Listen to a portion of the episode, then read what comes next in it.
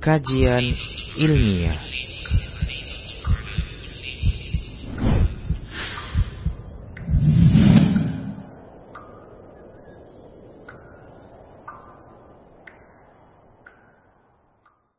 Bismillah. Assalamualaikum warahmatullahi wabarakatuh. Innal hamdalillah نحمده ونستعينه ونستغفره ونعوذ بالله من شرور أنفسنا ومن سيئات أعمالنا. من يهده الله فلا مضل له ومن يضلله فلا هادي له. وأشهد أن لا إله إلا الله وحده لا شريك له. وأشهد أن محمدا عبده ورسوله صلى الله عليه وسلم. قال الله تبارك وتعالى يا أيها الذين آمنوا اتقوا الله حق تقاته ولا تموتن إلا وأنتم مسلمون. يا أيها الناس اتقوا ربكم الذي خلقكم من نفس واحدة وخلق منها زوجها وبس منهما رجالا كثيرا ونساء. واتقوا الله الذي تساءلون به والأرحام. إن الله كان عليكم رقيبا. يا أيها الذين آمنوا اتقوا الله وقولوا قولا سديدا. يصلح لكم أعمالكم ويغفر لكم ذنوبكم. ومن يطع الله ورسوله فقد فاز فوزا عظيما. أما بعد فإن أصدق الحديث كتاب الله وخير الهدى هدى رسول الله sallallahu alaihi wasallam syarrul umuri الأمور wa kullu محدثة bid'ah wa kullu bid'atin dhalalah wa kullu dhalalatin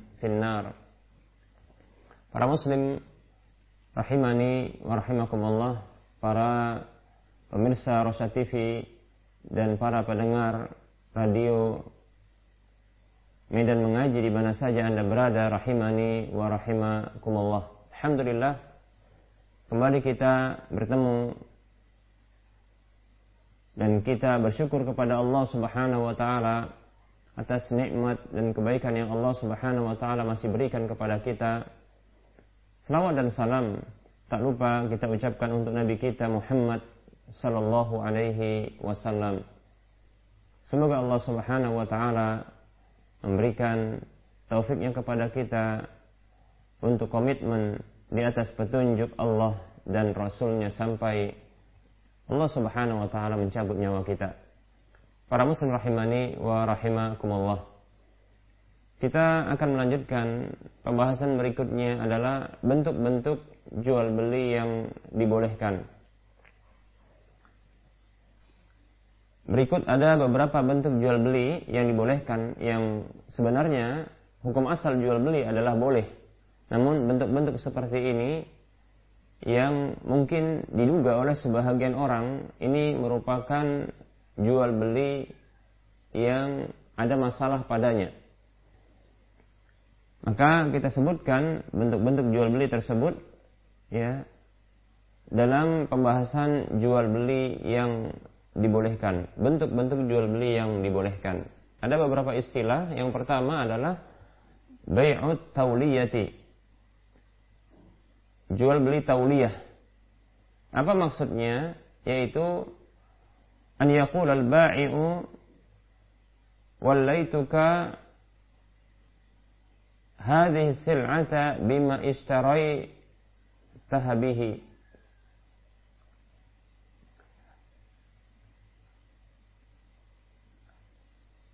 seorang pembeli mengatakan ya kepada uh, seorang penjual mengatakan ya penjual mengatakan wallaituka hadhihi sil'ah ya. Aku berikan ya hak perwalian atau perwakilan kepadamu untuk barang ini ya dengan apa yang engkau beli dengannya. Itu disebut dengan baik uh, tauliyah. Ya. itu mewakilkan ya barang ini mewakilkan ya penjualan e, barang ini kepada seseorang yang nanti dia akan e, membeli ya dengan barang tersebut. Ini disebut dengan bayi tauliyah. Kemudian ada dua e, bentuk yang kedua adalah bai'ul murabahah. Dan yang disebutkan ini adalah e, murabahah dengan bentuk yang e, klasik. Itu seperti contohnya ya adalah jual beli penyebutan modal pada barang ya lalu dia menyebutkan keuntungan setelahnya. Wahya an yadhkura as-sil'ata wa samanaha summa yaqula bi'tukaha biribahi ya khamsatin masalan. Ini contoh saja ya disebutkan. Yaitu sang penjual menyebutkan barang dan harga barangnya, kemudian dia mengatakan aku jual barang ini kepada Anda ya dengan untung ya sekian rupiah. Di sini eh, disebutkan dengan lima apakah lima e, real ataukah lima ribu atau seterusnya ya. Dan ini hanya sekedar contoh saja. Jadi jual beli murabahah adalah menyebutkan keuntungan ya atau menyebutkan nilai e, keuntungan dari barangnya. Dengan demikian akan diketahui harga modalnya. Kalau bahasa kita ya jual beli dengan menyebutkan ya harga modal ya dan nanti tentunya akan bisa diketahui ya nilai dari keuntungan sang penjual. Demikian. Ini termasuk yang dibolehkan, ya. Seperti itu. Disebut dengan bai'ul murabahah. Berikutnya, ya, adalah bai'ul muwadha'ah. Ya. Bai'ul muwadha'ah. Yaitu seorang penjual menjual barang menyebutkan barang beserta dengan harganya, harga modal atau harga e, disebutkan harga barangnya, ya. Hanya saja dia menjualnya dengan harga yang kurang darinya, ya. Summa yaqula bi'tukaha bi khasarati ya asyrihi masalan.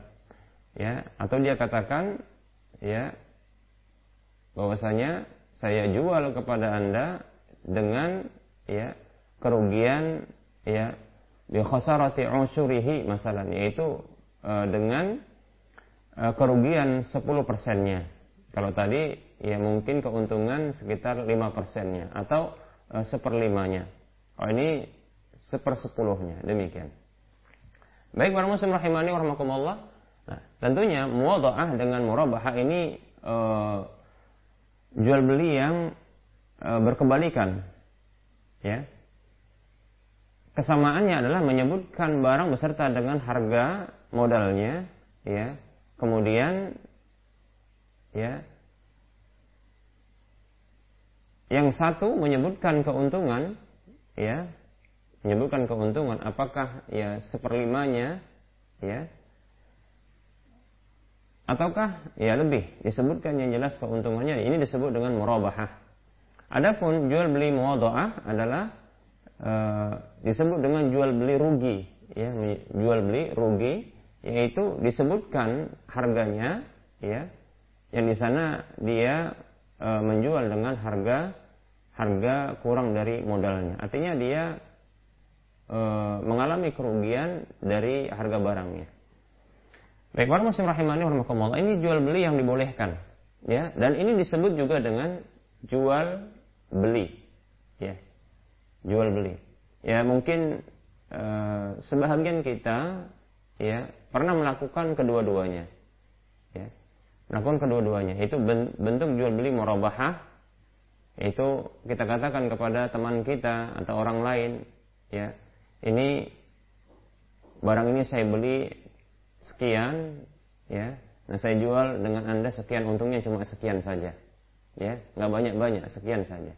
Nah ini disebut dengan murabahah ya. Ini disebut dengan murabahah atau sebaliknya ya dia sebutkan bahwasanya ini saya beli sekian. Kebetulan saya eh, ternyata tidak cocok tidak tepat. Saya kira ini sebelumnya tepat. Nah, ternyata ada yang lebih bagus. Ini mau saya jual ya. Lebih murah sekian ya. dia mengalami kerugian ya. Yaitu dia jual dengan harga yang lebih rendah dari harga belinya dia jual dengan harga yang lebih rendah dari harga belinya demikian nah ini disebut dengan jual beli muwadha'ah ya dan ini dibolehkan dan ini termasuk jual beli. Ya, termasuk jual beli, ya. Kadang sambil mengatakan muwadhaah ini ya, udahlah ya, gantiin aja, ya, gantiin aja uangnya sekian, ya. Saya beli sekian begitu ya. Nah, ini bahasa-bahasa yang muncul di pasaran seperti ini, ya. Ini bukan jual beli ganti, maksudnya bukanlah dia ya hanya pergantian saja, tapi ini disebut dengan jual beli. Oleh karenanya, Ya, bagi yang berpendapat bahwasanya haram ya berjual beli di masjid, maka model seperti ini termasuk jual beli. Ya, termasuk jual beli. Ada sebagian orang mungkin memandang bahwasanya ya jual beli itu harus untung. Ya, jual beli itu harus untung. Padahal ada jual beli yang termasuk dia ya rugi disebut dengan muwadhaah. Ya. Oleh karenanya ya ini harus diperhatikan agar ya seseorang yang menganggap ini eh, adanya larangan atau dia menganggap dosa berdosa atau haram untuk berjual berjual beli di masjid maka tidak boleh dilakukan seperti ini ya dengan anggapan bahwasanya ya bukan termasuk jual beli ketika ya menjual barang dengan harga yang ya dengan harga di bawah dari harga modalnya. Demikian ya. Dengan bahasa mungkin disebutkan tadi adalah ya silakan gantikan saja ini barang saya ya. Seperti itu. Nah ini tidak boleh tentunya ya. Mengapa tidak boleh? Ya karena ini termasuk jual beli dan diberlakukan contohnya di masjid atau diberlakukan ketika terjadinya uh, waktu dilarang untuk berjual beli demikian Baik para muslim rahimani wa rahimakumullah. Ini uh, jual beli muwadha'ah dan ini dibolehkan. Kemudian berikutnya adalah disebut dengan bai'ul musawamah. Ya. Bai'ul musawamah. Yaitu seseorang yang menawarkan ya yaitu penjual dia menawarkan sebuah barang dengan harga tertentu ya.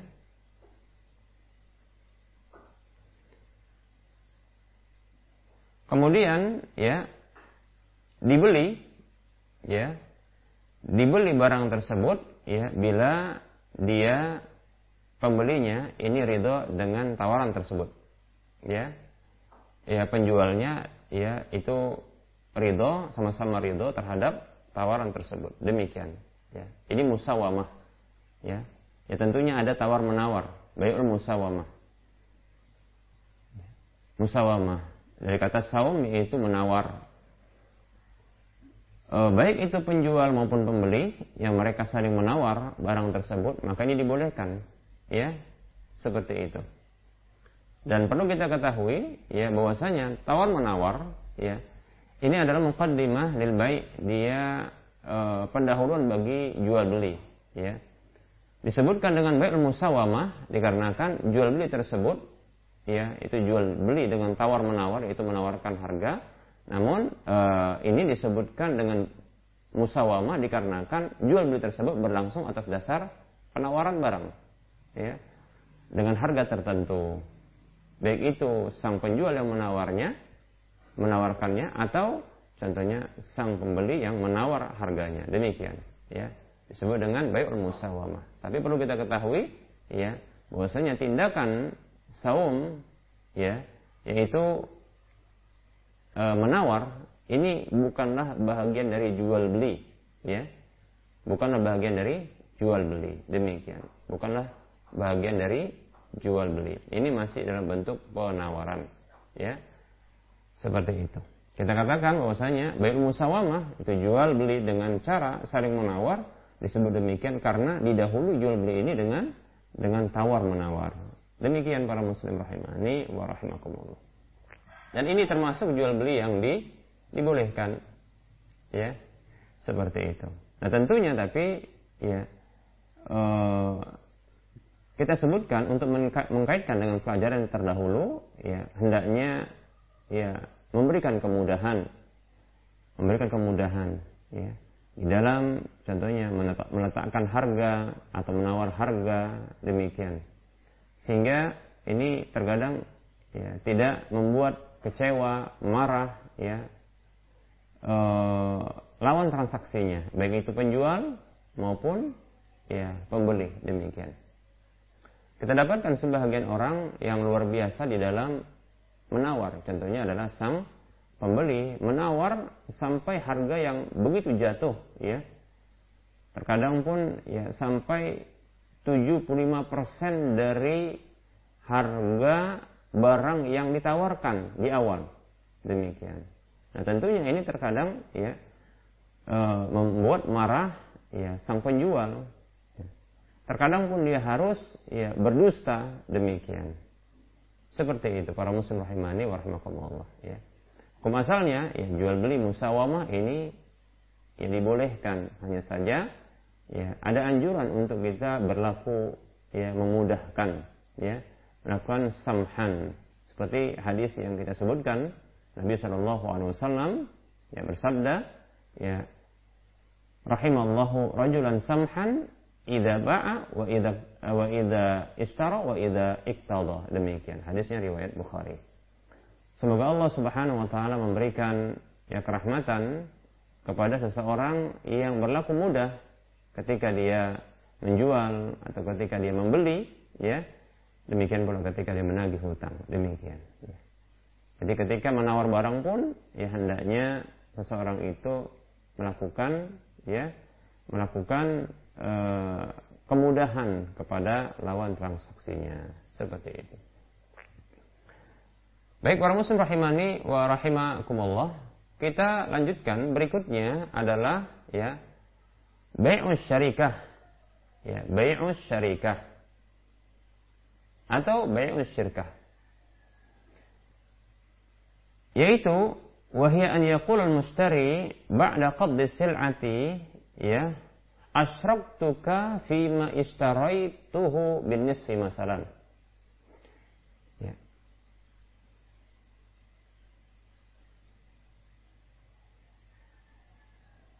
yaitu seorang pembeli mengatakan setelah dia e, memegang barang itu ya dia katakan bahwasanya ya aku berkongsi denganmu pada apa yang kubeli ini dengan setengahnya.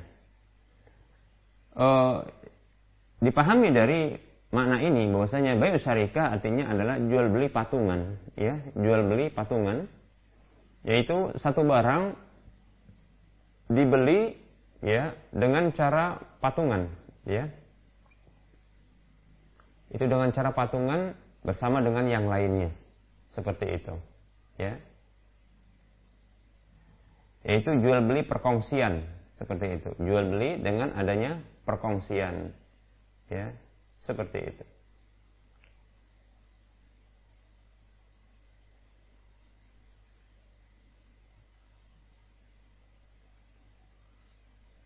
Baik para muslim rahimani wa rahimakumullah. Nah, ini dibolehkan tentunya ya, dibolehkan tentunya uh, dengan e, diketahui ya adanya e, apa namanya nilai nominal atau pembahagian masing-masingnya.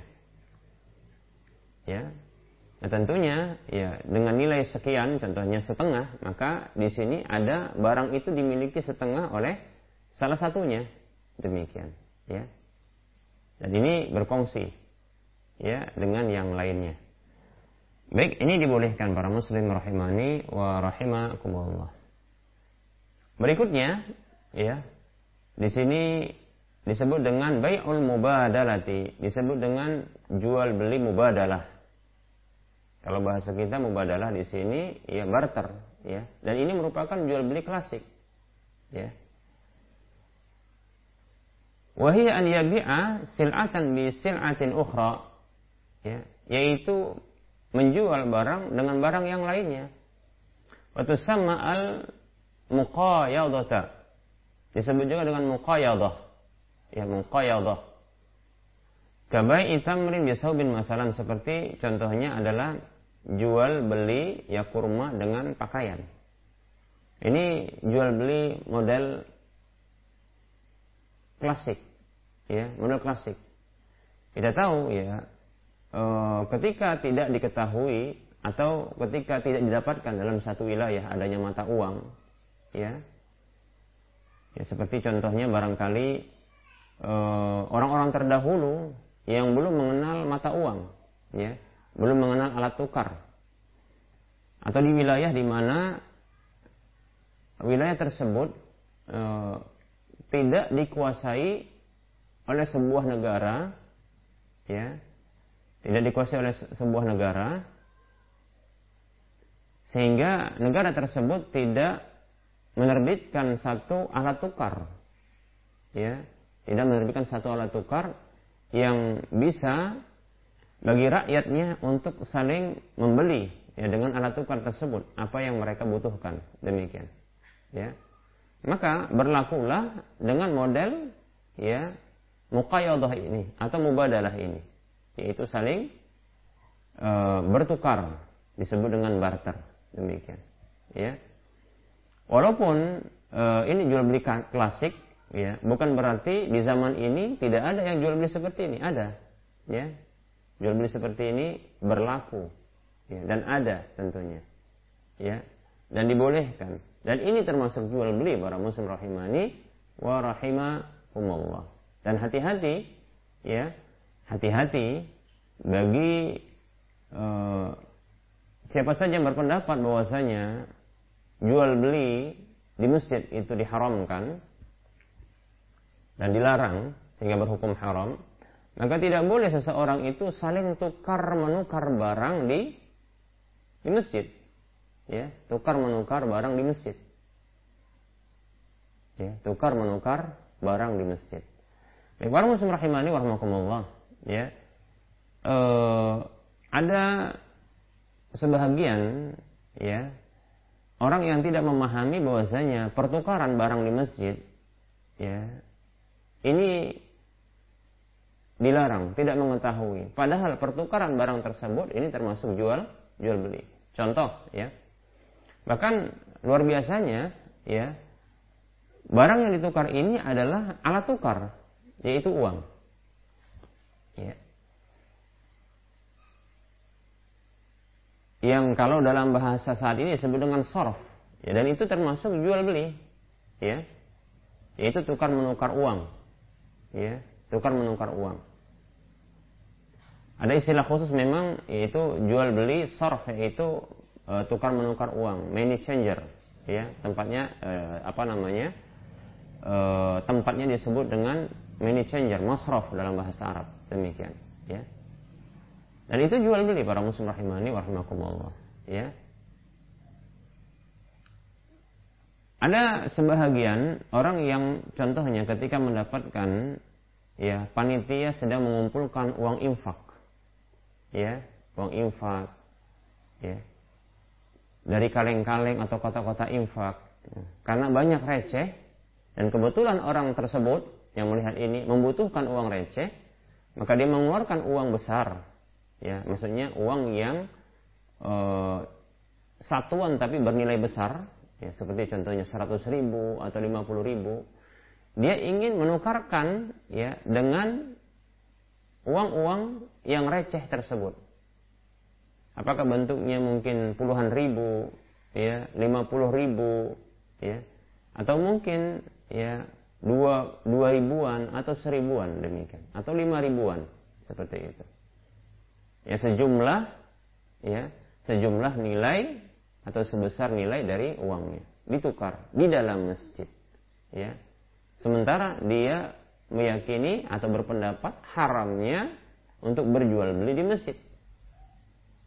Baik para muslim rahimani warahmatullah maka yang seperti ini termasuk dilarang para muslim. Termasuk terlarang. Mengapa? Aslinya jual beli tersebut ya ini boleh dilakukan di luar. Sah demikian.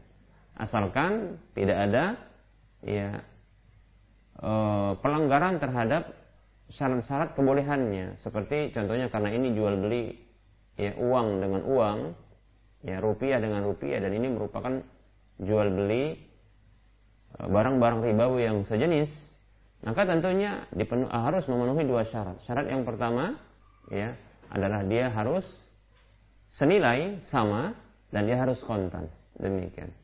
Senilai nah ini untuk menghindarkan dari riba fadl dan dia harus kontan ini untuk menghindarkan dari riba nasiah. Demikian. Seperti itu. Di luar ini dibolehkan. Nah namun diberlakukan di dalam masjid. Ya maka yang seperti ini ya ini maka jatuh kepada larangan yaitu berjual beli di dalam masjid. Dalam sebuah hadis ya Jabir radhiyallahu mengatakan nah Nabi sallallahu alaihi wasallam an anil bai wasyira fil masjid. Nabi sallallahu alaihi ya e, melarang jual beli di masjid. Demikian para muslim rahimani warahmatullah. Dan pendapat yang kuat al aslu fil nahyi litahrim. Hukum asal ya larangan tersebut adalah haram. Demikian. Para muslim rahimani warahimakumullah. Nama lain dari uh, jual beli barter yang disebut dengan mubadalah ini adalah al-muqayadah. Al-muqa muqayadah demikian, ya. Disebut dengan muqayadah nama lainnya. Baik para muslim rahimani wa rahimakumullah. Berikutnya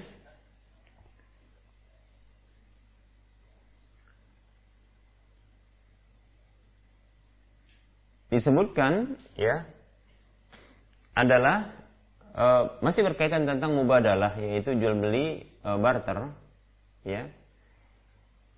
Apabila barang-barang yang dia tentunya bukan termasuk barang-barang ribawi ketika dalam bentuk ya barteran seperti ini ya maka tentunya boleh ya untuk e, berbeda nilainya, begitu juga boleh pula untuk dia tidak kontan seperti itu. Ya. Asalkan salah satunya kontan. Asalkan salah satunya adalah kontan. Ya. Demikian.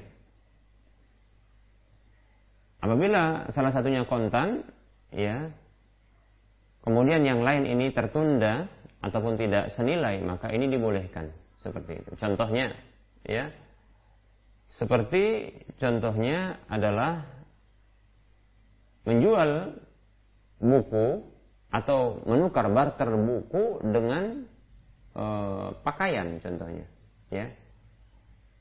Disepakati bahwasanya satu buku ini mendapatkan dua pakaian ya demikian namun buku terlebih dahulu yang di, diserahkan pakaiannya nanti. Tapi tentunya harus jelas spesifikasinya, ya, agar tidak e, terjadi goror padanya, ya, dikarenakan ini berarti ada yang tertunda salah satunya dan ini harus dijelaskan, ya, spesifikasi barangnya, demikian pula ya penyerahan waktu penyerahan barangnya, demikian dan tentunya jumlahnya. Tadi sebutkan dua contohnya ya. Maka ini dibolehkan. Namun bila terhutang dua-duanya maka tidak boleh. Walaupun dikatakan ini adalah barter, ya. ya. Barter. Seperti seseorang mengatakan, ya, ayo kita barteran ya buku, ya buku saya ini dengan bajumu itu. Ya demikian. Yaitu contohnya baju dan pakaian yang di sedang dipakainya. Buku ini. Kita sepakat ya. Baik. Dia menawar ya. Contohnya yang punya pakaian dia yang sedang pakai pakaian dia katakan wah bukunya ini tipis banget. Saya pengen dua. Bisa tidak? Baik dua sepakati. Ya. Maka sang pemilik buku mengatakan saya ingin kalau bisa ditambah dengan peci satu lagi katanya begitu. Baik sepakat sepakat sepakat terjadinya apa jual beli bahkan mungkin salah satu menyerahkan terlebih dahulu pecinya ya.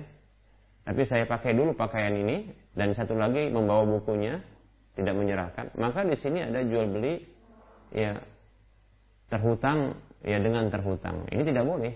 Ya jual beli dain bil dain atau kali bil kali ini terlarang. Seperti itu. Ingat ini termasuk jual beli. Walaupun barter karena barter ini adalah jual beli klasik disebut tadi adalah bai'ul mubadalah atau bai'ul muqayyadah demikian. demikian. Baik para muslim rahimani wa rahimakumullah. E, berikutnya ya adalah disebut dengan bai'ul muzayadah. Bai'ul muzayadah.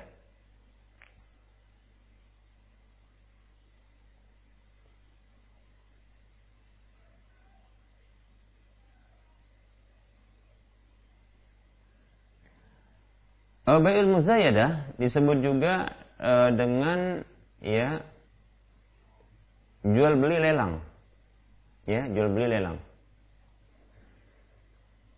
Jual beli lelang disebutkan tadi musawamah ini termasuk apakah lelang ataukah tidak ya maka para muslim rahimani warahmatullah ya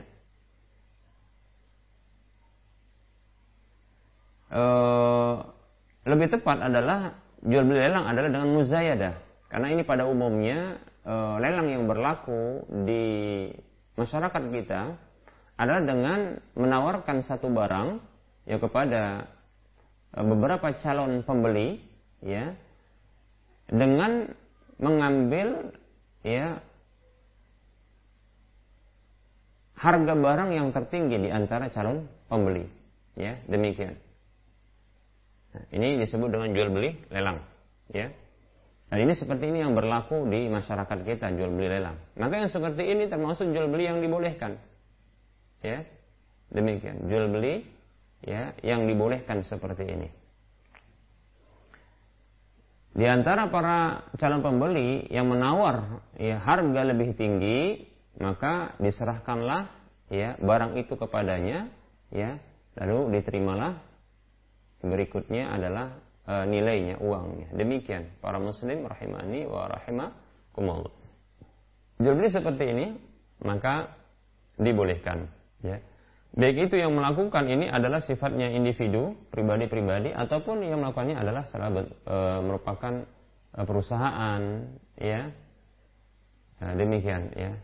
Atau komunitas ya. Maka ini dibolehkan seperti itu para muslim rahimani wa rahimakumullah.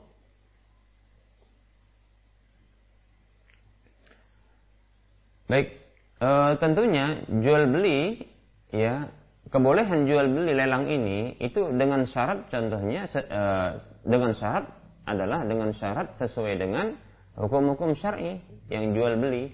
Ya apa namanya? Dalam jual beli hukum-hukum syar'i syar'i dalam jual beli. Di mana terpenuhinya ya ijab dan kabul contohnya ya. Setelah ditawar dengan harga yang paling tinggi contohnya ya tentunya eh, disepakati harga lalu hendaknya diserahkan ya salah satunya. Apakah barang itu eh, barang tersebut yang diserahkan ya? Kemudian begitu juga apakah contohnya uang yang diserahkan terlebih dahulu? Yang jelas salah satunya harus ya e, tunai Adapun yang berikutnya menyusul maka ini tidak masalah. Demikian ya.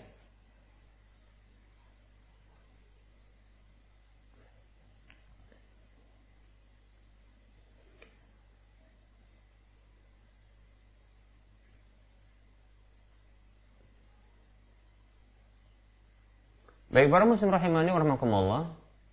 Eh, ada persyaratan berikutnya dalam jual beli lelang ini yaitu apabila sebahagian ya e, calon pembeli ini ya ini bersepakat untuk meninggalkan ya lelang tersebut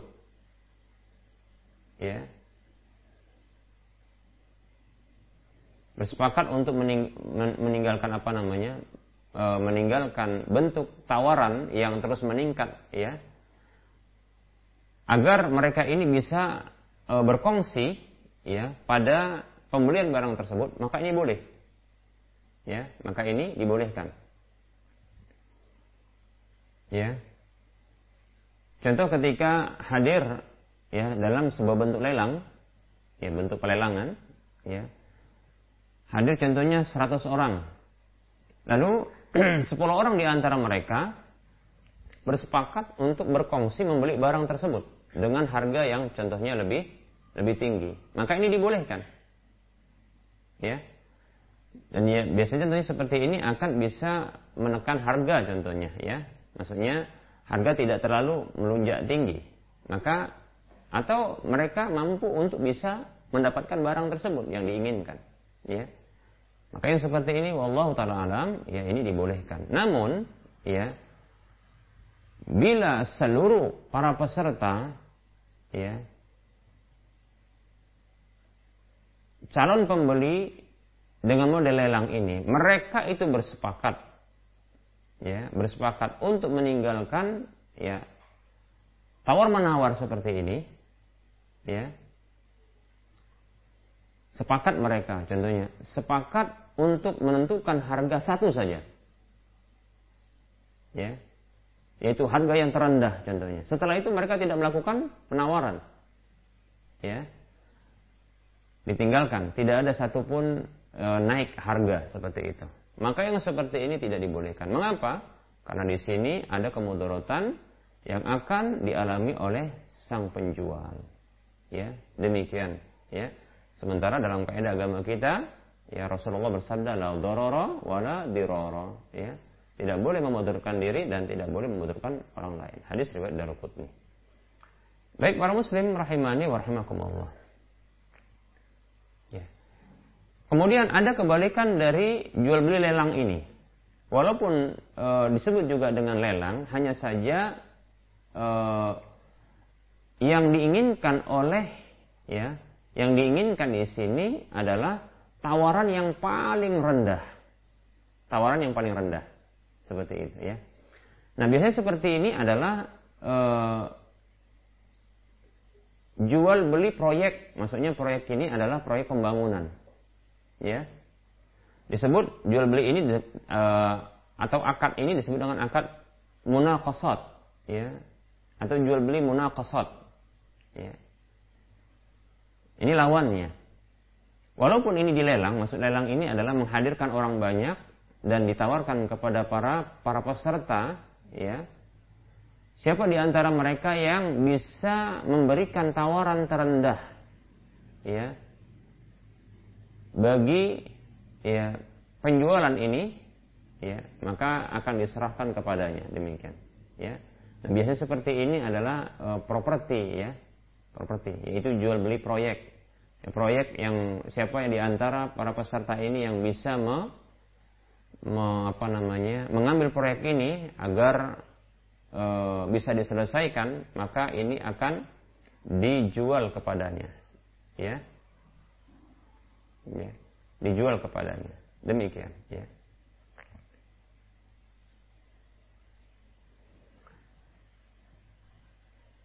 Baik para muslim rahimani wa rahimakumullah. Ya tentunya ya kita katakan jual seperti ini kebolehannya itu dipersyaratkan dengan syarat-syarat syar'i. ya. Ada syarat-syarat yang harus ya terpenuhi, yaitu maksudnya adalah syarat-syarat tersebut syarat-syarat dalam jual beli, ya tidak tidak melanggar, yaitu adanya kejelasan, ya. Bila dia dalam bentuknya jual beli, maka jual beli. Kalau dalam bentuknya ya apa namanya eh, sewa maka dia sewa demikian ya. Begitu juga kalau dalam e, penyelesaian proyek maka dia harus jelas. Demikian para muslim rahimani warahmatullah baik ya. E, saya kira untuk penyampaian materi kita cukupkan ya terlebih dahulu. Insya Allah taala kita akan lanjutkan pada waktu mendatang. Ini kita akan masuki e, beberapa bentuk apa namanya e, beberapa pertanyaan yang mencoba kita akan e, jawab.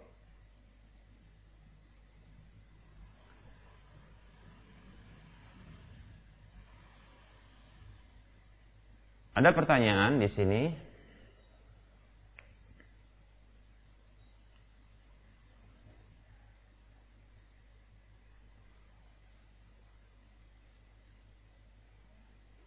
Bismillah, Assalamualaikum warahmatullahi wabarakatuh. Waalaikumsalam warahmatullahi wabarakatuh. Ustaz mau tanya, bolehkah ya wasilah mendapatkan fee dari transaksi jual beli? Misalnya adalah ya saya jadi wasilah perantara jual beli sepeda motor. Ya. Lalu saya mendapatkan fee dari pembeli dan penjual. Baik, para muslim rahimani wa rahimakumullah.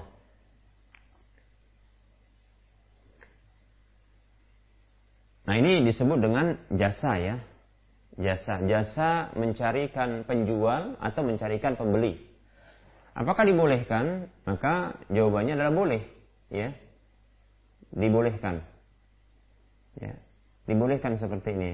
Namun hendaknya ya di sini dipersyaratkan tentunya adalah kejelasan dari fee tersebut. Kejelasan dari fee tersebut. Jika fee tersebut ya tidak disebutkan di awal akad, maka e, nilai fee tersebut ini e, diberlakukan sesuai dengan uruf, yaitu kebiasaan dari e, di masyarakat tersebut ya memberikan nilai fee kepada agen. Demikian ya agen. Seperti itu. Andaikan pun si agen ini atau perantara ini langsung dia yang menangani penjualan atau pembelian tersebut maka ini dibolehkan. Ya dibolehkan.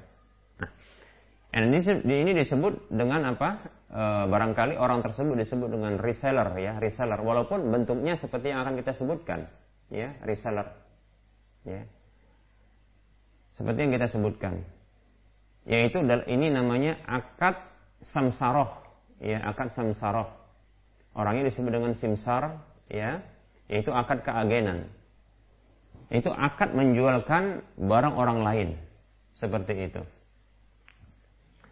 E, di salah satu definisi yang disebutkan oleh para ulama ya untuk definisi akad samsara adalah al-wisatatu bainal ba'i wal mushtari li ijra'il bai'i. Yaitu ya uh, tindakan memperantarai antara penjual dengan pembeli untuk memberlangsungkan ya jual beli. Nah, ini disebut dengan samsara.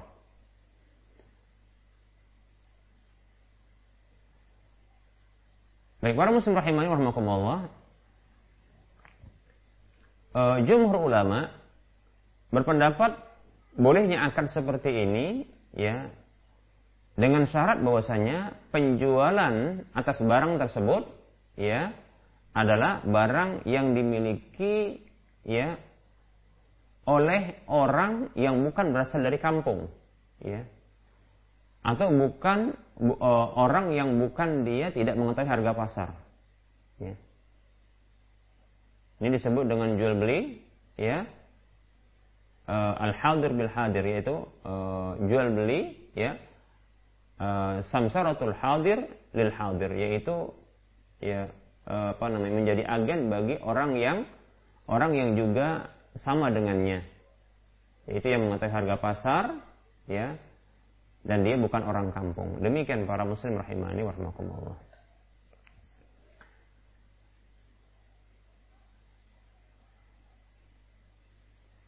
Nah, e, jual beli dengan seperti ini, yaitu akad samsaroh, akad keagenan, ini ada dua bentuknya. Yang pertama adalah, ya, yang pertama adalah akad samsaroh yang kita katakan tadi akad e, keagenan. Dia tidak memiliki barang, namun dia menjadi wakil bagi orang lain, ya, untuk menjualkan barang, dan dia e, tidak memiliki modal dalam hal ini dan dia tidak memiliki barang tersebut. Dia hanya menjadi perwakilan. Dan dia diamanahi. Yang nantinya dia akan mendapatkan upah. Ada dua bentuk angkat samsaroh ya. Yang e, pertama adalah harga jual. Harga jual ini harga jual barang tersebut ditentukan oleh pemilik barang. Harga jual ditentukan oleh pemilik barang ya. Maka e, jual beli atau akad keagenan seperti ini ada syaratnya ya. Yaitu syaratnya adalah harus adanya ya penentuan upah bagi sang agen ya fee-nya. Dan ini untuk menghindari adanya persengketaan antara si agen dengan si pemilik barang ketika ternyata terjadi e, penjualan barang dan sudah laku barangnya demikian. Seperti itu. Maka di sini dipersyaratkan dan ini merupakan syarat dari jumhur ulama ya harus adanya e, penentuan dari upah tersebut. Demikian ya. Terkait dengan hal ini ada asar dari Muhammad bin Sirin rahimahullahu taala ya Ibnu Sirin mengatakan semoga Allah merahmati beliau idza qala bi'tu uh, bi'hu bikadza famakana min ribahin fahuwa laka au baini wa bainaka fala ba'sa bihi ya Ungkapan beliau ini disebutkan dalam uh, Sahih Bukhari. Demikian. Ibnu Sirin rahimahullah taala mengatakan, apabila ada seseorang mengatakan, ya, silakan jual barang ini dengan harga sekian, maka apa saja dari keuntungannya itu milikmu. Ya, itu milikmu. Keuntungannya adalah milikmu. Harganya sekian, maka keuntungannya nanti adalah itu milikmu atau antara kita berdua. Demikian. Ya. Maka yang seperti ini tidak mengapa kata beliau. Demikian. Ya, ini jenis pertama. Ya, jenis pertama yaitu si agen menjualkan barang dengan penentuan harga barang ditentukan oleh sang pemilik barang. Perlu kita ketahui bahwasanya ketika ternyata si agen memiliki peluang untuk bisa e, menjual barang lebih, ya, melebihi dari harga yang ditentukan oleh pemilik barang, maka bila dia mampu untuk menjual dengan harga lebih, ya, sang agen tersebut, maka sesungguhnya kelebihan dari keuntungan tersebut, ya, keuntungan yang lebih tersebut, itu sesungguhnya bukanlah hak dari si agen, tapi itu adalah hak si pemilik barang. Mengapa? Karena sesungguhnya kelebihan itu mengikuti ya mengikuti e, barang yang barang ini dimiliki oleh sang pemiliknya demikian ya. Oleh karenanya tidak boleh sang agen ini mengambil kelebihan dari keuntungan e, penjualan dengan harga yang telah ditentukan oleh sang pemilik barang ya maka kelebihan tersebut adalah milik si pemilik barang. Contoh, ya. Contoh sang pemilik barang mengatakan kepada seorang agen yaitu berupa rumah, ya tolong ya silakan kamu jual rumah saya ini, ya rumah saya ini. Contohnya dia katakan ya dengan seharga contohnya 300 juta. 300 juta. Demikian. Ternyata sang agen mampu menjual rumah tersebut dengan 350 juta. Kenapa? Karena mungkin dia melihat ya harga pasar ya itu lebih. Ya. Atau dia mendapatkan sang e, calon pembeli ternyata dia membutuhkan rumah, ya. Membutuhkan rumah dalam waktu dekat sehingga dia ya ternyata ya membeli rumah tersebut karena dia mungkin berminat terhadap rumah itu dengan harga yang lebih dan dia rela dengan harga tersebut. Si agen mampu menjual ya rumah tersebut ya, seharga 350 juta. Maka kita katakan ya tentunya ada selisih 50 juta ya dari penentuan harga jual rumah ya yang ditentukan oleh pemilik barang tersebut, pemilik rumah tersebut. Maka kita katakan ya kelebihan 50 juta itu sesungguhnya adalah hak pemilik rumah. Demikian. Seperti itu. Bukan pemilik agen, uh, bukan dimiliki oleh agen. Agen maka tidak boleh dia memiliki ya kelebihan tersebut. Dia berhak dia hanya berhak terhadap ya uh, fee yang telah ditentukan di awal akad demikian. Seperti itu. Oleh karenanya semen, mestinya semenjak awal ya dia harus menyebutkan ya contohnya nilai fee saya harus sekian seperti itu. Apakah dalam bentuk persentase ya atau dalam bentuk nominal demikian. Demikian para muslim. Nah, menjadi halal ya kelebihan tersebut bila direlakan oleh sang pemilik rumah atau pemilik barang. Demikian para muslim rahimani wa rahimakumullah. Ya. Mengapa? Ya, karena ada kaidah disebut oleh para ulama at-tabi'u yatba yaitu at-tabi'u la yufradu bil hukmi. Sesuatu yang mengikut maka hukumnya juga harus mengikut.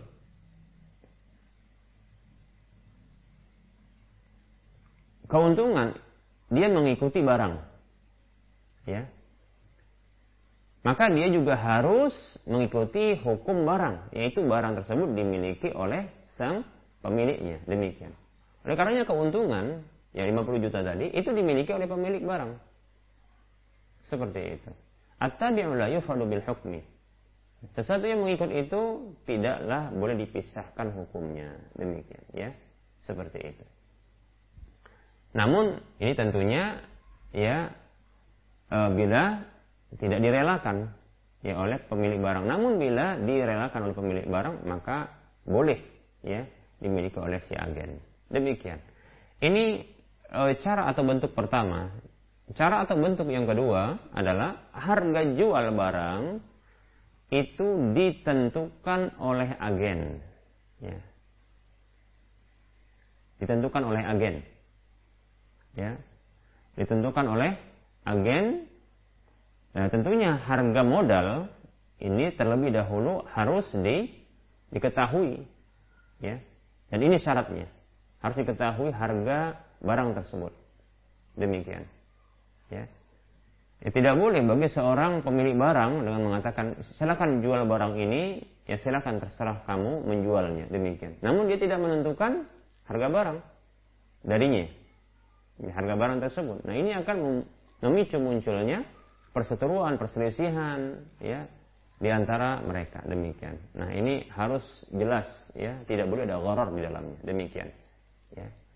Sehingga bisa ditentukan contohnya bagi yang penun, uh, apa namanya uh, uh, agen tersebut untuk dia mengetahui berapa nominalnya, nominal fee untuk dirinya. Demikian para muslim rahimani wa rahimakumullah.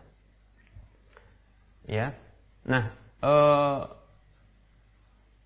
asar atau riwayat untuk jenis akad seperti ini yang kita sebutkan tadi, ya, yaitu penentuan harga modal itu dari pemilik barang, ya. Adapun harga jualnya ini di, diserahkan kepada sang agen adalah riwayat dari Ibnu Abbas radhiyallahu anhu yang mengatakan la ba'sa an yaqula bi hadha thawba fama zada ala kada wa kada fahuwa laka. Ya. Ibnu Abbas radhiyallahu anhu mengatakan, tidak mengapa seseorang mengatakan jualkan pakaian ini, jualkan pakaian ini, ya. Maka apa saja yang kelebihan, ya, apa saja yang lebih dari harga sekian dan sekian atau nilai sekian dan sekian maka itu milikmu demikian. Ya. Demikian. Ya. Nah ini di sini ya ada penentuan harga modal dari pemilik barang. Demikian. Adapun ya kelebihan dari e, dari harga modal tersebut maka ini diserahkan kepada si agennya. Nah, ini ungkapan ini disebutkan juga oleh Imam Bukhari, ungkapan Ibnu Abbas radhiyallahu anhu ini. Demikian para muslim rahimani wa rahimakumullah. Nah, ini disebut dengan akad keagenan, ya, akad keagenan. Maka ini dibolehkan.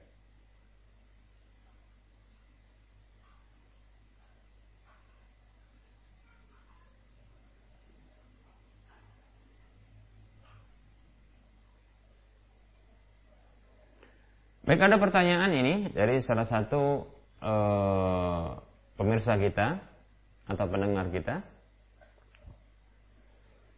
Ustadz saya kerja di salah satu bank sebagai teller berencana resign setelah menikah. Waktunya masih belum jelas ya, belum tahu waktu nikahnya. Kok bisa? Ya belum tahu ini pernikah, waktu pernikahannya. Ya. Tapi masih berencana ya. Baik. Jika saya resign, bagaimana dengan tabungan saya, yaitu gaji dari bank tersebut? Ya. Berkah atau tidak Ustaz? Baik ya. Kita doakan kepada saudara atau saudari kita ini ya agar e, diberi kemudahan oleh Allah Subhanahu wa taala taufiknya ya untuk bisa segera keluar dari ya tempat yang sesungguhnya terjadi di sana transaksi-transaksi yang membuat ya Allah Subhanahu wa taala bisa memerangi mereka ini ya. Maka kita doakan ya semoga saudara kita ini bisa uh, keluar darinya segera resign darinya demikian ya. Seperti itu. Dan saya motivasi juga kepada saudara kita ini untuk segera keluar tanpa harus menunggu ya waktu dekatnya masa pernikahannya. Ya demikian. Ya. karena usia kita tidak mengetahui. Ya usia kita tidak tahu ya e, jatuh tempo akhir dari umur kita.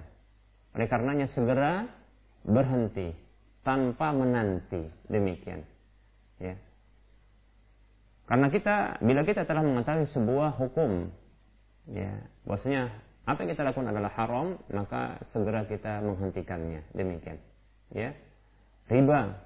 Kita tahu ya perbankan-perbankan ya ini mempraktekkan riba dan kita tahu ya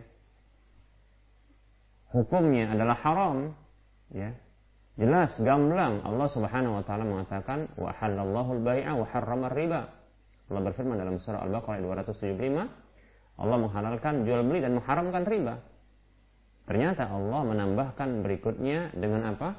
Dengan ancaman-ancaman seperti kehancuran, yang yamhaqullahu riba wa yurbis sadaqat.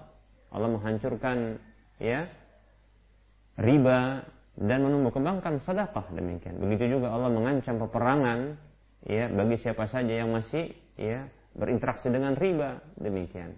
Ya, maka saya motivasi saudara kita ini dan siapa saja ya yang masih mereka bergelut dengan riba untuk segera keluar darinya.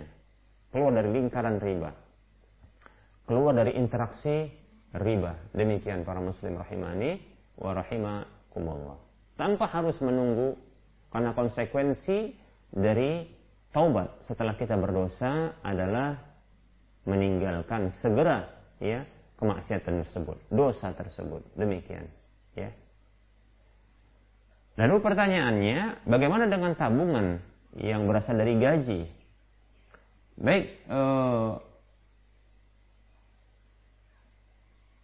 Allah Subhanahu wa taala berfirman di dalam surah Al-Baqarah 275 setelah Allah mengatakan ya wa ahallallahu al-bai'a wa harrama riba dan siapa saja ya uh, dan uh, dan Allah menghalalkan uh, jual beli serta mengharamkan riba ya namun mengharamkan riba, Allah mengatakan, "Faman ja'ahu mau'izatun min rabbih fantaha falahu masalah."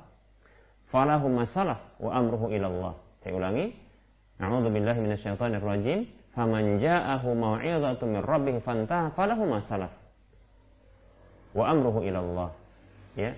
Maka siapa saja yang telah ya datang kepadanya peringatan dari Rabbnya, ya, lalu dia berhenti, maka apa saja yang telah berlalu itu miliknya dan urusannya itu kembali kepada Allah. Allah tetapkan di sini bahwasanya apa yang didapatkan oleh seseorang yang melakukan riba atau berinteraksi dengan riba setelah dia bertobat maka itu miliknya. Demikian. Maka ya setelah seseorang mengetahui mengetahui hukumnya dan dia bertobat, berhenti dia, bertobat dia. Ya. Maka apa yang didapatkannya sebelumnya, sebelum dia mengetahui, ya sebelum dia ya mengetahui dan bertobat, maka ini milik dia. Itu sah halal bagi dirinya. Karena Allah menetapkan hal tersebut. Falahu masalah. Maka milik dia apa yang telah berlalu. Demikian. Ya. Wa amruhu ila Allah dan urusannya itu kembali kepada Allah. Demikian. Adapun sesuatu yang telah dia ketahui hukumnya, setelah dia mengetahui hukumnya, maka itu haram baginya. Contoh, dia sedang bekerja. Ya.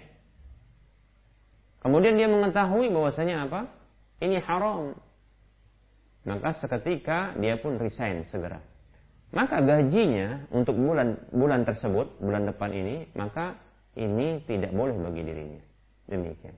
Adapun yang telah berlalu, seperti itu contohnya gaji-gaji yang terdahulu yang disimpannya, tabungannya, atau contohnya harta-harta yang didapatkan ya e, dari penghasilan ya penghasilan yang berinteraksi dengan riba maka ini insya Allah halal.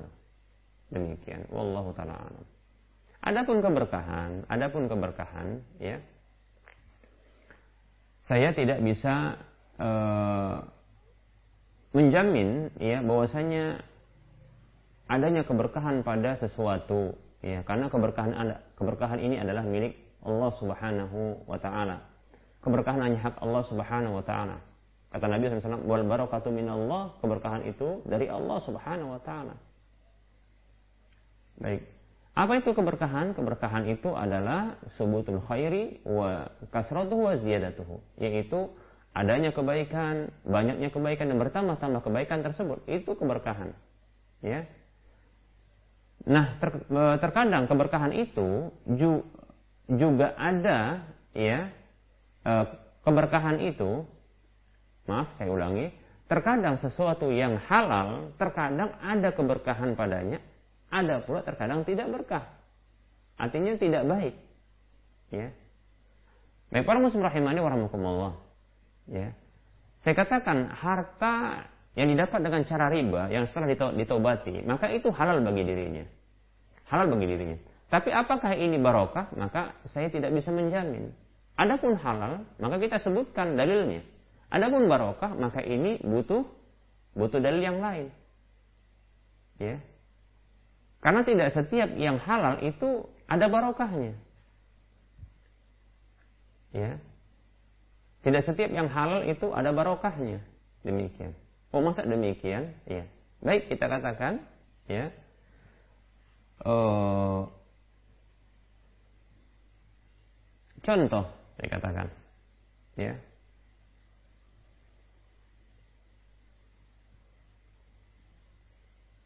Seseorang yang menikah dengan wanita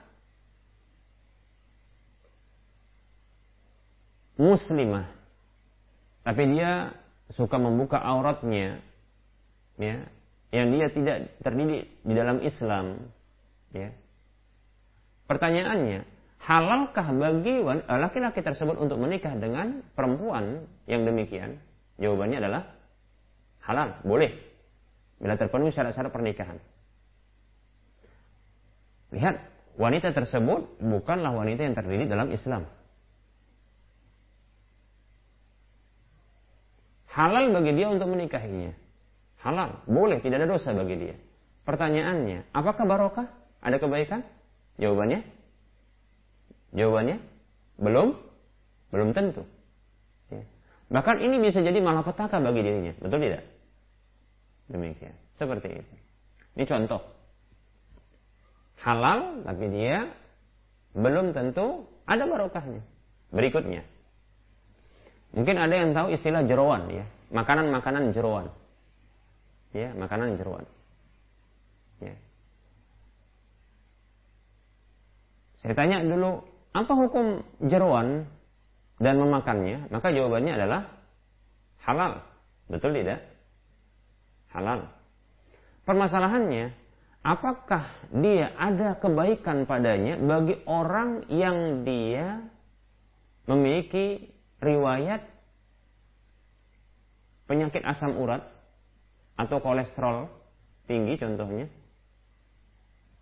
maka tentunya ya tidak tidak ada kebaikan mungkin bagi dirinya bahkan itu bisa memudorotkannya demikian seperti itu lihat sesuatu yang halal ya namun dia bisa jadi tidak barokah ya bisa jadi ada barokahnya, bisa jadi tidak ada barokahnya. Demikian.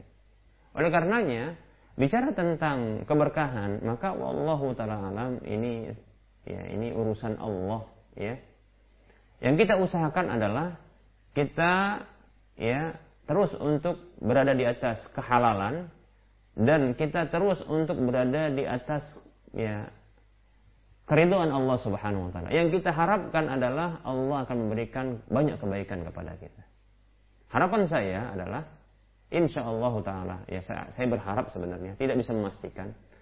Adapun untuk kepastian tentang harta yang didapatkan ya dari interaksi riba ribawi ya kemudian dia bertobat maka saya bisa menyebutkan bahwasanya ini halal bagi dirinya berdasarkan firman Allah tersebut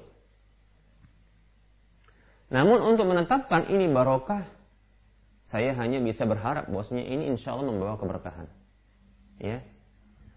Dan mudah-mudahan keberkahan itu sesungguhnya munculnya kalau saya ya keberkahan itu bukan munculnya pada harta ini, tapi keberkahan itu munculnya karena kebaikan ya. Itu ketaatan yang dia lakukan dengan berhenti dari riba. Karena dia memenuhi ya perintah Allah Subhanahu wa taala. Nah, inilah barangkali yang diharapkan untuk bisa datangnya kebaikan-kebaikan bagi dirinya, yaitu ketaatan dia kepada Allah. Dengan cara dia berhenti, kemudian dia berinteraksi, ya, untuk berikutnya dengan usaha-usaha yang halal seperti itu. Adapun harta tersebut, wallahu taala alam, saya hanya bisa berharap bahwasanya itu adalah ya bisa ya, mendatangkan kebaikan bagi orang yang memilikinya. Wallahu taala alam.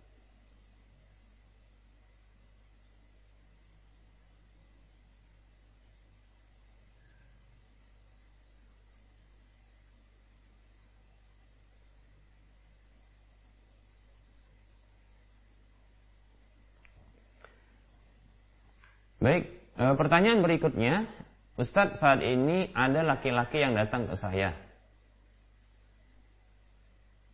berencana akan menikahi saya. Oh ini muamalah, ya ini muamalah pernikahan ternyata ini ya. Beliau belum tahu kapan akan meminang saya dikarenakan masih mengurusi orang tuanya.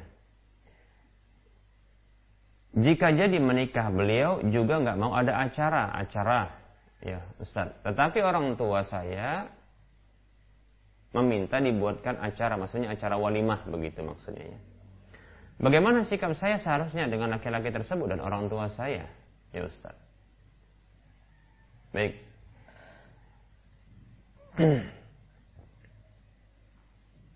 uh, tentunya acara yang dimaksudkan ini kan berarti permasalahan acara. Ya. Maka kita lihat acara ini acara yang dibolehkan atau tidak dibolehkan. Perlu kita ketahui bahwasanya walimah, acara walimah, menurut pendapat yang kuat, dia adalah ya wajib. Sepakat para ulama bahwasanya walimah itu disyariatkan. Ya, kata Nabi SAW, aulim walau bisatin. Buatlah walimah walaupun dengan seekor kambing. Demikian. Maksud dari walimah adalah iklan pemberitahuan kepada orang-orang sekitar bahwasanya ya fulan dan fulanah telah sah menjadi suami istri. Agar tidak muncul ya muncul tuduhan-tuduhan buruk kepada mereka ya. Maksudnya mereka ini berzina. Seperti itu demikian. Maka iklan ini penting ya.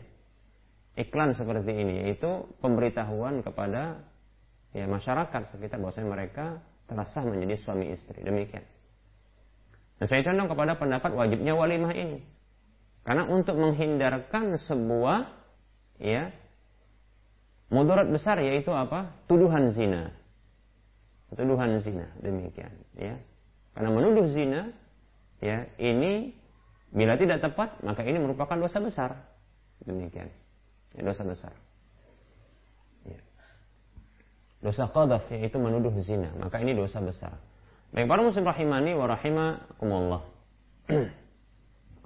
Oleh karenanya saya condong bahwasanya walimah ini, acara walimah adalah hukumnya wajib.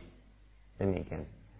Maka e, permasalahannya adalah mungkin ya di antara calon suami dengan orang tua ya ini permasalahan tentang acara tersebut. Maka e, saya condong ya untuk dibuat wajib dibuat acara tersebut tapi dengan dengan kemampuan ya dari pihak sang suami atau pihak calon suami demikian ya.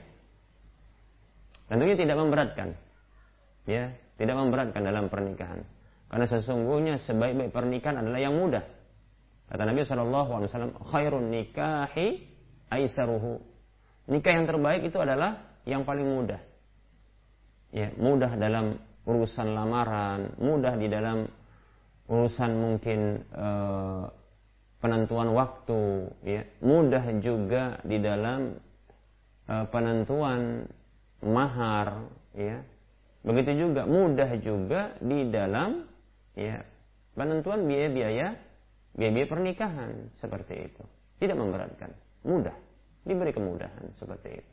Jadi sesuai dengan kemampuan dari pihak sang calon suami seperti itu. Ya. Uh, Tentunya ini pembicaraan dengan uh, pihak keluarga tentunya antar pihak keluarga. Maka ya uh, sebaiknya sang laki-laki ini segera melakukan lamaran ya. Kemudian mereka melakukan rembukan dengan antar pihak uh, dua dua pihak keluarga tersebut ya, merembukkan ya tentang waktu ya tentang begitu juga uh, mahar begitu juga tentunya biaya pernikahan seperti itu ya. Terkait dengan waktu mungkin terkait dengan orang tua ya orang tua yang sedang diurusi oleh calon sang suami ini demikian. Ya mungkin mungkin ya bila ini memberatkan dari pihak wanita karena contohnya terlalu lama untuk menunggu, maka bukan sebuah dosa dan bukan juga merupakan sebuah kesalahan. Contohnya pihak wanita untuk mundur dari proses ya proses pernikahan ini. Ya, karena belum ada ikatan.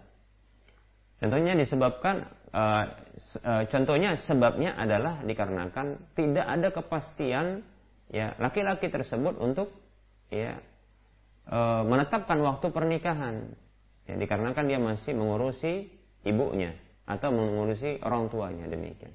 Ya, ya seperti itu. Bukan merupakan sebuah e, dosa bagi wanita tersebut untuk mundur dari proses. Sebagaimana juga bukanlah merupakan sebuah dosa ya, bagi laki-laki tersebut untuk mundur dari proses. Ketika contohnya ya dia didesak ya untuk segera menikahi. Ya lantas dia belum bisa menentukan jawaban. Ya maka dia mundur dari proses pernikahan ini. Tidak masalah. Ya. karena dia contohnya lebih berat ya untuk ya memperhatikan kedua orang tuanya sebagai baktinya kepada orang tuanya. Maka ini tidak masalah.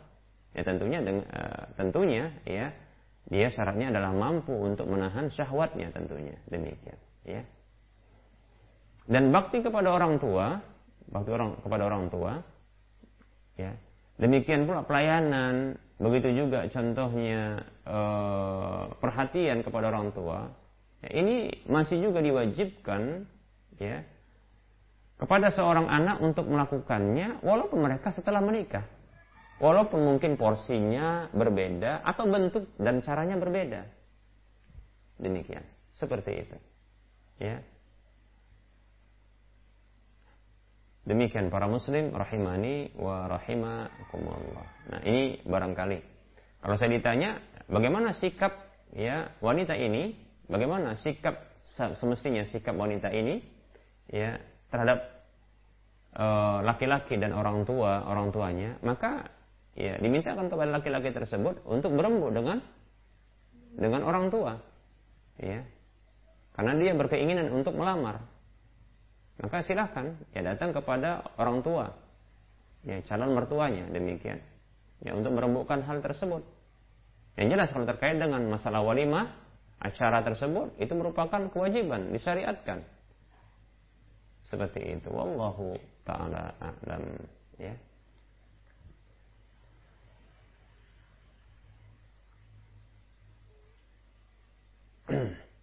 Bismillah, Assalamualaikum ini ada pertanyaan berikutnya. Waalaikumsalam warahmatullahi wabarakatuh. Ustaz, apakah rezeki yang didapat halal jika kita bekerja di tempat yang halal, tapi di dalamnya ada transaksi pinjam meminjam ke bank dan kita ikut mempersiapkan berkasnya. Jazakallahu khair wa jazallah. Ini sesungguhnya sudah uh, juga kita pernah isyaratkan ya atau kita pernah jelaskan Mungkin di sini ya, tapi saya sudah pernah menjelaskan hal seperti ini. Bila sebuah tempat kerja, apakah perusahaan, pabrik atau yang semisalnya mau besar mau kecil, ya, yang mayoritas ya dominan bidang kerjanya adalah halal, bidang kerjanya adalah halal, ya, maka boleh bekerja pada tempat kerja tersebut. Ya, tempat kerja tersebut.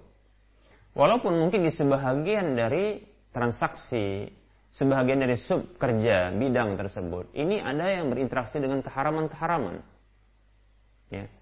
Maka yang sedikit ini wallahu taala alam tidaklah bisa mempengaruhi keseluruhannya. Ya tidak bisa. Ya. Karena dia bukan asal. Ya.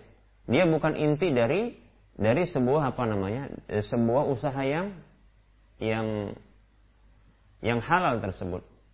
Demikian. Ya. Contohnya ya seperti yang disebutkan ini, ya tempat kerjanya adalah sesungguhnya halal, tapi ada transaksi contohnya pinjam meminjam atau hutang hutang ke bank contohnya.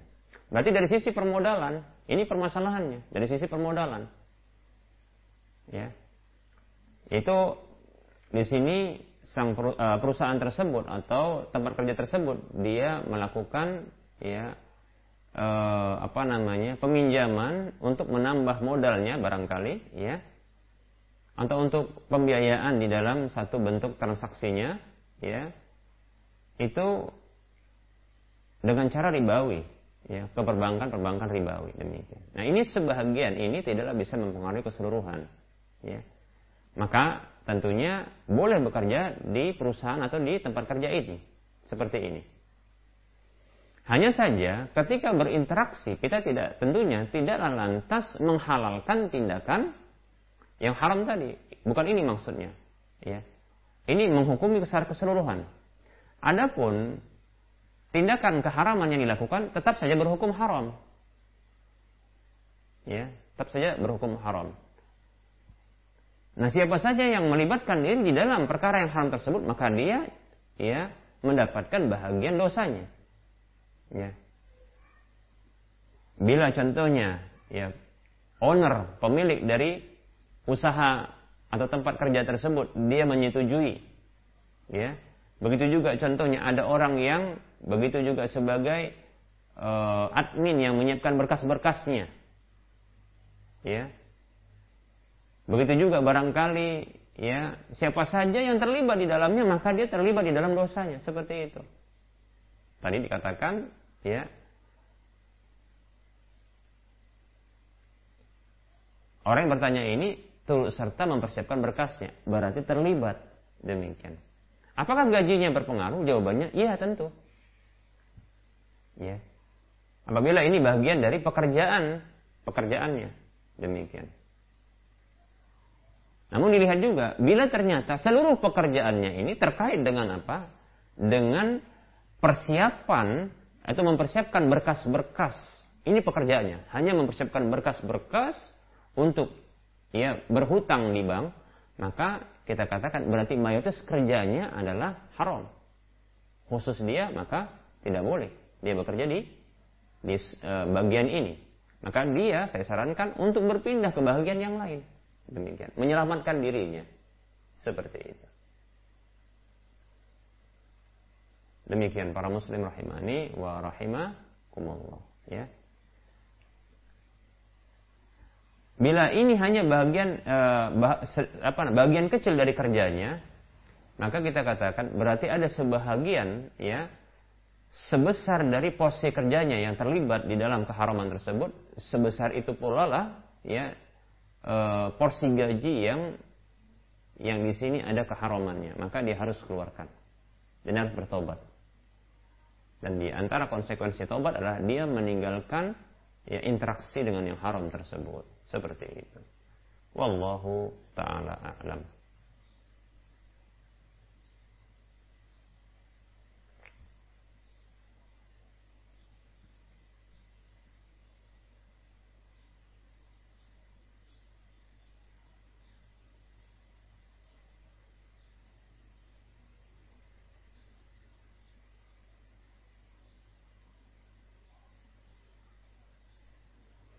Baik, ada pertanyaan. Bismillah mau tanya Ustaz. Saya seorang guru honorer di sebuah madrasah ibtidaiyah. Di sekolah kami setiap bulan biasa menandatangani kwitansi yang tidak sesuai dengan jumlah uang yang diterima. Bagaimana sikap saya seharusnya Ustaz?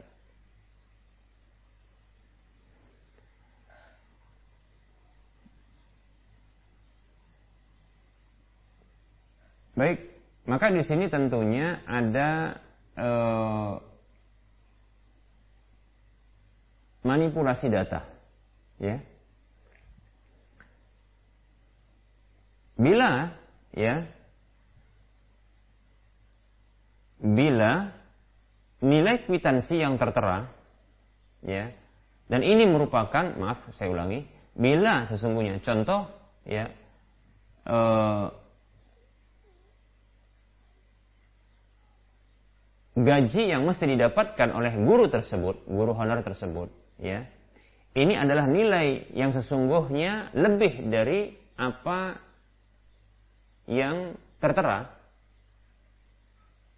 Contohnya semestinya gajinya adalah ya gajinya contohnya adalah mestinya dia satu juta lima ratus ya namun dia harus menandatangani ya contohnya satu juta dua ratus. Dan dia akhirnya mendapatkan satu juta dua ratus. Berarti ada tiga ratus yang yang apa? Yang di dipotong. Ya. Maka di sini ya maka di sini tanda tangannya adalah merupakan bentuk apa namanya bentuk persetujuan bahwasanya dia sedang menginfakkan 300 ribu Bisa dipahami kira-kira? Nah, demikian. Jika dia bergaji satu juta lima ratus. Namun bila dia contohnya semestinya bergaji satu juta lima ratus, ya, namun ya, apabila dia menandatangani ya kwitansi senilai contohnya dua juta,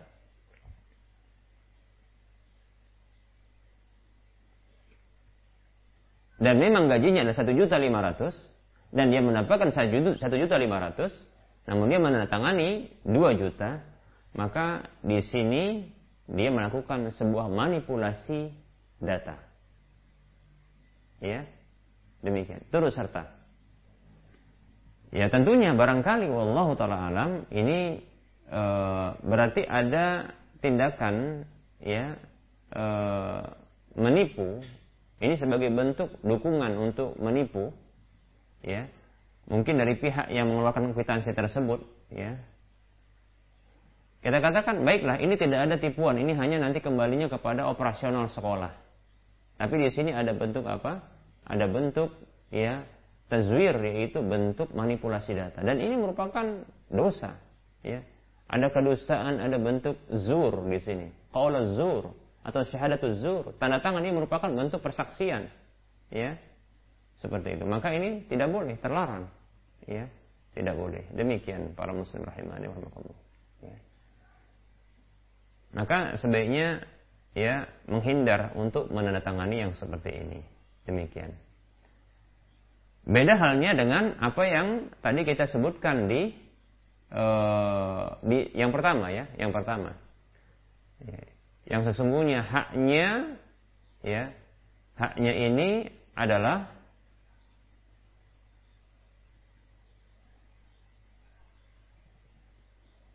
dengan nilai tertentu, namun dia mendapatkan pengurangan dari itu dan itu uh, nilai nominal yang tertera di kwitansi, maka sesungguhnya dia sedang ya sedang menginfakkan walaupun dia terpaksa.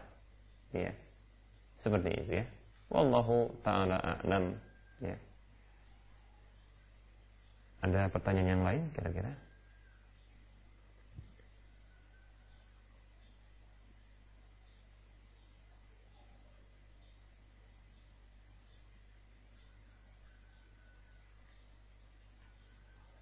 Baik saya kira kita cukupkan terlebih dahulu ya. Insya Allah Ta'ala kita akan lanjutkan pada waktu mendatang. Mohon maaf atas segala kekurangan dan kesalahan. Ya, kebenaran itu datang dari Allah Subhanahu Wa Ta'ala. Kesalahan datang dari saya pribadi dan bisikan syaitan kepada Allah saya mohon ampun. Kepada para hadirin sekalian saya mohon maaf. Wassalamualaikum warahmatullahi wabarakatuh. Subhanakallahumma bihamdika asyhadu an la ilaha illa anta astaghfiruka wa. Assalamualaikum warahmatullahi wabarakatuh.